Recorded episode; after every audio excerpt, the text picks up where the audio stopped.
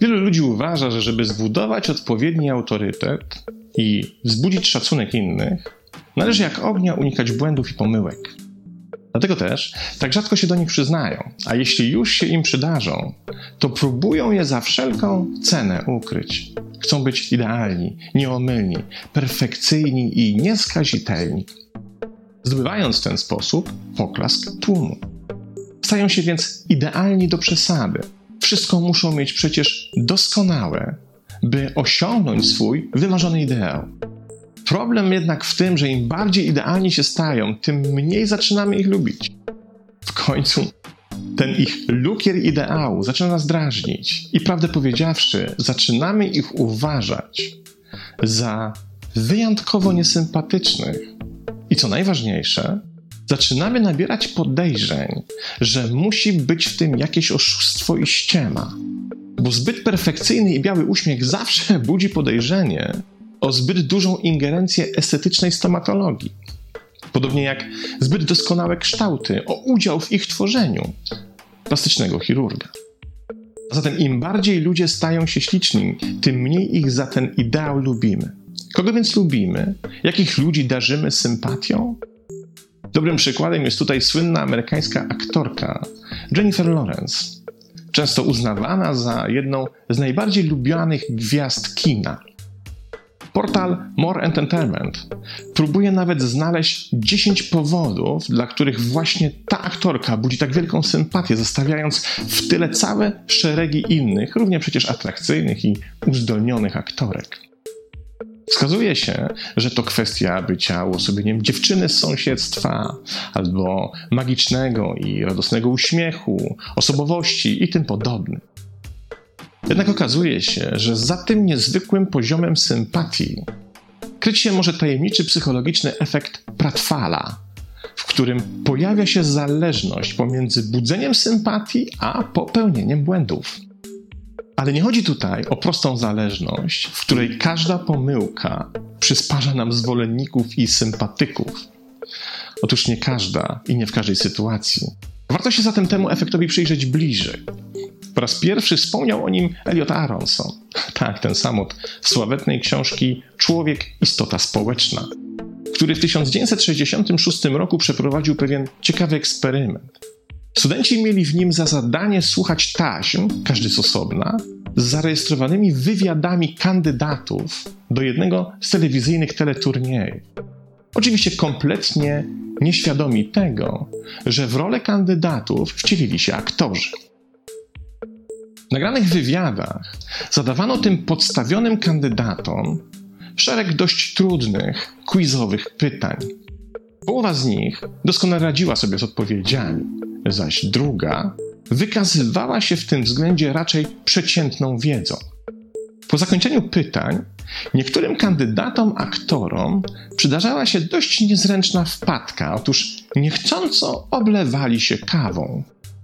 Później studenci dokładnie opiniowali każdego z kandydatów, zaś pytania dla nich były tak skonstruowane, by można było mierzyć zarówno poziom szacunku, jak i sympatii, jakie wzbudzili w studentach określeni kandydaci. Cóż się okazało? Kandydaci, którzy wykazali się dużą wiedzą i później popełnili błąd, czyli wylali na siebie kubek z kawą, budzili dużo większą sympatię niż ci, którzy nie popełnili błędu. Zaś fakt popełnienia błędu tylko w minimalnym stopniu wpłynął na obniżenie do nich szacunku opiniujących. Jednak efekt ten dotyczył jedynie tej grupy kandydatów, która wykazała się olbrzymią wiedzą, udzielając odpowiedzi na pytania. Ci zaś, którzy wykazali się zaledwie przeciętną wiedzą, po popełnieniu błędu nie tylko tracili i tak niski szacunek, ale do tego jeszcze tracili również sympatię obserwujących. Oznacza to, że u osoby, którą darzymy szacunkiem, na przykład za dużą wiedzę i uznajemy w określonej dziedzinie za autorytet, popełnienie błędu właściwie nie wpływa na utratę tego autorytetu. A jednocześnie pomyłka czy błąd powoduje, że taka osoba zaczyna nam się wydawać o wiele bardziej sympatyczna niż taka, która błędu nie popełniła. Wydawałoby się więc, że najlepiej jest po prostu co jakiś czas popełnić błąd, a wtedy uda nam się szybko zdobyć sympatię innych. Nie jest to jednak takie proste, na co wskazuje reakcja studentów w przypadku osób, których wiedzy nie ocenili wysoko. Wówczas błąd powoduje odwrotny skutek i miast zyskiwać sympatię naraża na jej utratę. Wnioskowanie jest proste. Efekt Pratfala działa dopiero wówczas, kiedy już w jakiś sposób udaje się nam zbudować czyjś szacunek i kiedy zostaliśmy wcześniej wysoko ocenieni. Jeśli tak nie jest, to popełnianie błędów raczej nam nie posłuży. I to właśnie odpowiedź na pytanie o prowadzenie w rankingach sympatii Jennifer Lawrence. Ona przecież co chwila zalicza jakąś wpadkę. A to się potknie na czerwonym dywanie, a to w czasie wywiadu przydarzy się jej jakaś niezręczność, a to zachowa się nieodpowiednio do miejsca i okoliczności. Jednak, na co warto zwrócić uwagę, najpierw udało jej się zdobyć szacunek widzów dla swojego aktorskiego talentu. Gdyby tego wcześniej nie zrobiła, to jej wpadki zadziałały dokładnie odwrotnie. Nie byłoby ani szacunku, ani też sympatii. Efekt Pratfala, którego nazwa bierze się od angielskiego słowa oznaczającego humorystyczną sytuację, w której lądujemy na własnych czterech literach, próbowano wyjaśniać na wiele sposobów. Często uznaje się, że stoi za nim nasza samoocena, bo ktoś, kogo szanujemy, jednocześnie okazuje się również omylny, nie stanowi zagrożenia dla naszego poczucia własnej wartości. Przeciwieństwie do nieomylnego ideału, którego istnienie uświadamia nam, że istnienie nieosiągalnej doskonałości.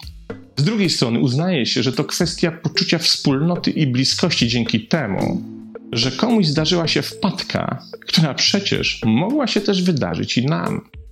A z jeszcze innej strony tłumaczy się to prostym rozumowaniem. Ci, których cenimy i którym się zdarzy błąd, zyskują naszą sympatię, bo w ten sposób schodzą z piedestału niedostępności. A ci, których nie cenimy, swoimi błędami jedynie potwierdzają, że w ich ocenie mieliśmy rację, więc tym bardziej nie zasługują na naszą sympatię. Mnie zaś najbliższe jest następujące wyjaśnienie. My po prostu nie lubimy sztuczności i sztywniactwa. Jeśli ktoś jest zbyt perfekcyjny, to zaczynamy węszyć podstęp, dlatego że nam samym daleko do perfekcji. I nawet jak próbujemy to ukryć przed światem, to sami przed sobą tego ukryć już nie potrafimy. Wpadka zaliczona przez osobę, którą darzymy szacunkiem, tak naprawdę rozgrzesza w naszej głowie naszą przyszłą hipotetyczną wpadkę, przez co czujemy się po prostu bezpieczniej. Uświadamiamy sobie tę prostą prawdę, że nikt nie jest doskonały, więc my sami też nie musimy. I ta świadomość łączy się dla nas z uczuciem sporej ulgi. Orientujemy się wówczas, że droga do zbudowania autorytetu nie musi być związana wyłącznie z wyrzeczeniem się naszej własnej niedoskonałości. I co więcej, że ta niedoskonałość jest w pełni akceptowalna i ludzka, pod warunkiem, że towarzyszy rzeczywistym osiągnięciom. Kiedy zaś ich nie ma, więc nie ma też na czym zbudować szacunku, to już błędów tak łatwo nie wybaczamy. Jaki zaś możemy wyciągnąć praktyczny wniosek z efektu Pratfala? Żeby to pokazać, muszę posłużyć się pewnym przykładem. Pamiętam kilka ładnych lat temu jedno ze szkoleń z zarządzania stresem. Jeden z uczestników tego szkolenia opowiadał o swoim największym stresowym koszmarze, czyli o wystąpieniach publicznych. Ilekroć musiał gdzieś przed kimś wystąpić, czuł silny stres i to już na kilka dni przed tym wydarzeniem. Kiedy dokopaliśmy się samego źródła stresu, okazało się, że najbardziej się stresuje na myśl o negatywnej ocenie przez innych w trakcie takiego wystąpienia.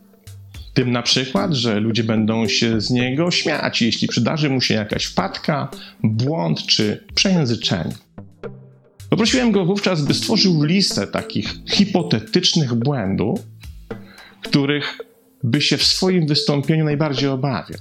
Kiedy lista była gotowa, zapytałem go, czy ja mogę tę listę uzupełnić o jakąś solidną wpadkę, Kiedy pozwolił, dopisałem na liście wystąpienie z otwartym rozporkiem. Od razu umieścił moją propozycję na górze listy, uznając, że to byłby absolutnie najgorszy koszmar z możliwych. Wówczas poprosiłem pozostałych uczestników szkolenia, by wyobrazili sobie, że właśnie teraz, kiedy do nich mówię ze sceny, mam otwarty rozporek i o tym nie wiem. A następnie poprosiłem, by podzielili się z resztą uczestników tym, co by sobie w takiej sytuacji pomyśleli. Okazało się, że nikt by się ze mnie w takiej sytuacji nie naśmiewał. Co więcej, raczej by mi współczuto i uznano, że to się przecież może każdemu zdarzyć. Prawdę powiedziawszy, walczący ze stresem w wystąpieniach publicznych uczestnik był w kompletnym szoku, bo ludzie zareagowali zupełnie inaczej niż się spodziewał. I to jest właśnie sedno, które powinniśmy zapamiętać z efektu Pratfala.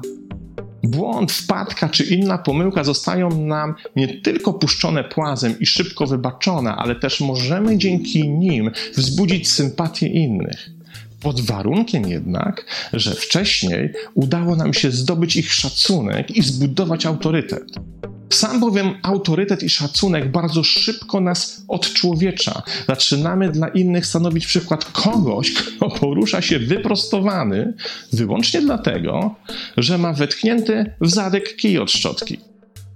Pomyłka czy błąd, do których potrafimy się przyznać, których nie próbujemy za wszelką cenę ukryć, zjednują nam ludzi, bo nie są w prosty sposób w stanie przekreślić tego, co wcześniej osiągnęliśmy.